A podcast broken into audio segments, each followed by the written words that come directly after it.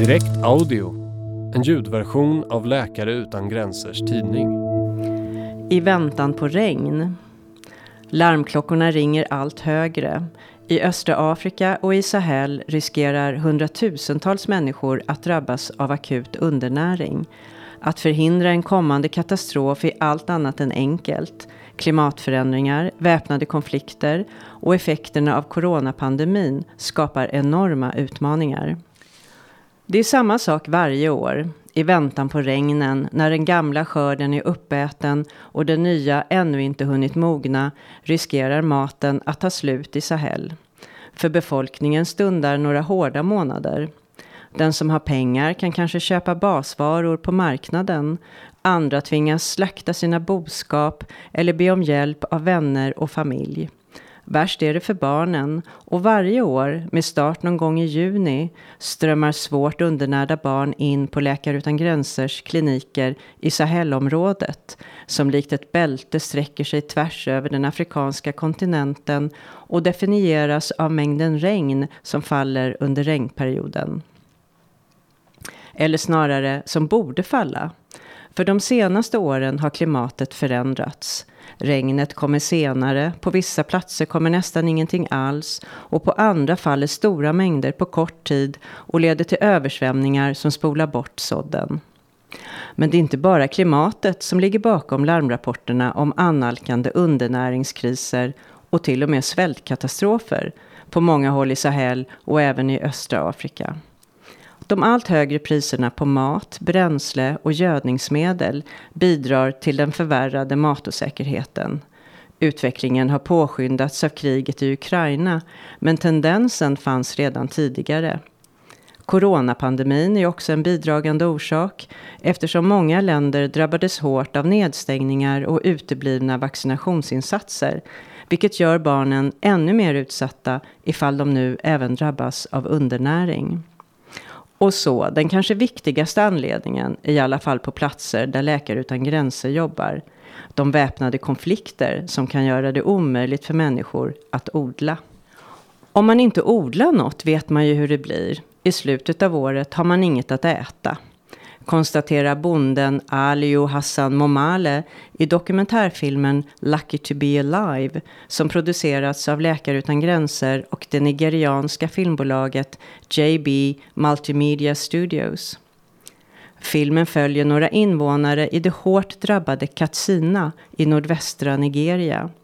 I den här trakten lever de flesta ur hand i mun och att barnen blir undernärda i samband med det så kallade hungergapet är inte ovanligt.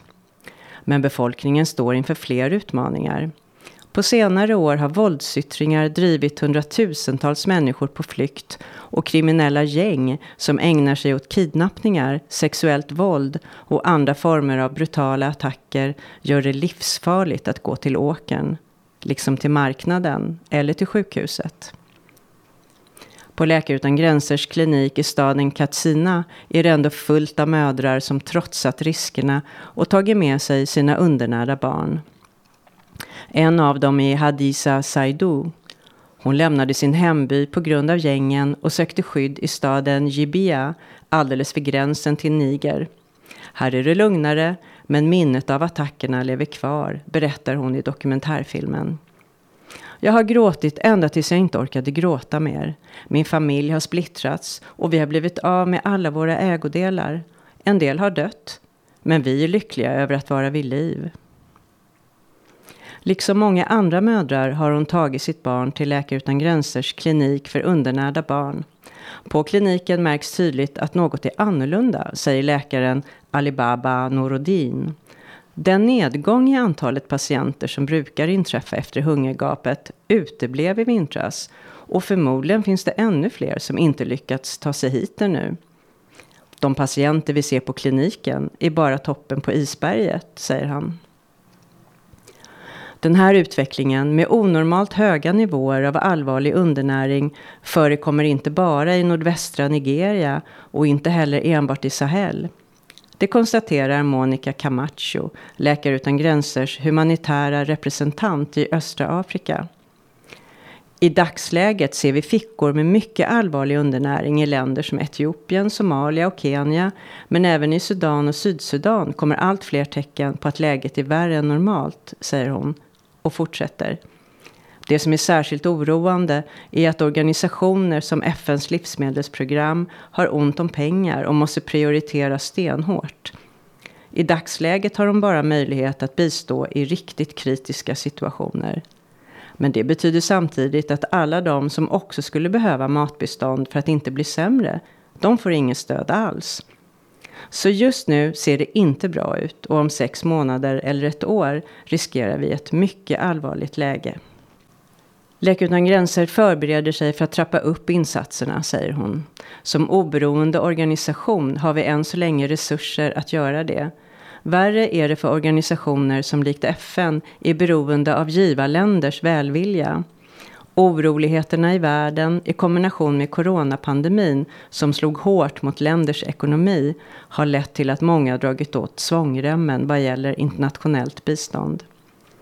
För Läkare utan gränser är den största utmaningen istället hur vi ska nå fram till alla de som behöver vår hjälp, säger Monica Camacho. Ett tydligt exempel är Somalia, där torka och gräshoppsinvasioner slagit hårt mot södra delen av landet som kontrolleras av den militanta islamistiska organisationen al-Shabaab. Folk pratar redan om spöket från 2011, säger Monica Camacho. Att vi måste se till att det som hände då inte upprepas. Den gången drabbades Afrikas horn också av torka som ledde till en hungerkatastrof. Inte minst i Somalia var det extremt svårt att nå fram med hjälpen eftersom al-Shabaab försvårade alla insatser. Resultatet blev att hundratusentals människor dog. Även i år hopar sig varningstecknen i landet. Vid en screening av barn i Baidoa i södra Somalia visade det sig till exempel att runt 80 procent var akut undernärda och av dessa var närmare hälften gravt akut undernärda. Men egentligen är det fel att beskriva det som håller på att hända på Afrikas horn och i Sahel som en undernäringskris, menar Monica Camacho. Det är mycket större än så. De ofta redan sköra sjukvårdssystemen utsattes för enorma påfrestningar under coronapandemin. Och redan nu ser Läkare utan gränsers team tecken på att de framsteg som gjorts vad gäller många av de vanligaste barnsjukdomarna håller på att gå förlorade. Två år med nedstängningar och uteblivna vaccinationsinsatser har lett till att miljoner barn gått miste om livsviktigt skydd mot sjukdomar som mässling och lunginflammation. Alla länder i regionen har haft mässlingsutbrott på sistone, säger Monica Camacho. Och det försvagade immunsystemet hos undernärda barn gör att de är extra utsatta för mässling. Vad vi bevittnar just nu handlar om så mycket mer än undernäring, säger hon. Även om det är vad som står i fokus. Länderna är inte redo. Deras sjukvårdssystem kommer inte att kunna hantera ännu en katastrof. Så nu gäller det att det internationella samfundet och berörda länder agerar. Att vi ser till att barnen blir vaccinerade. Att vi försöker förebygga den värsta undernäringen och förbättra tillgången till vatten och sanitet. Och att vi inser att det är bråttom.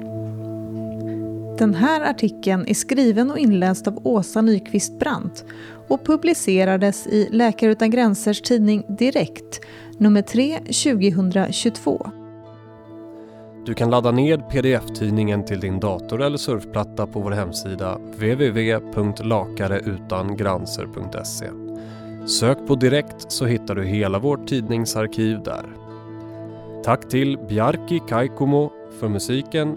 Ansvarig utgivare är Oliver Schultz.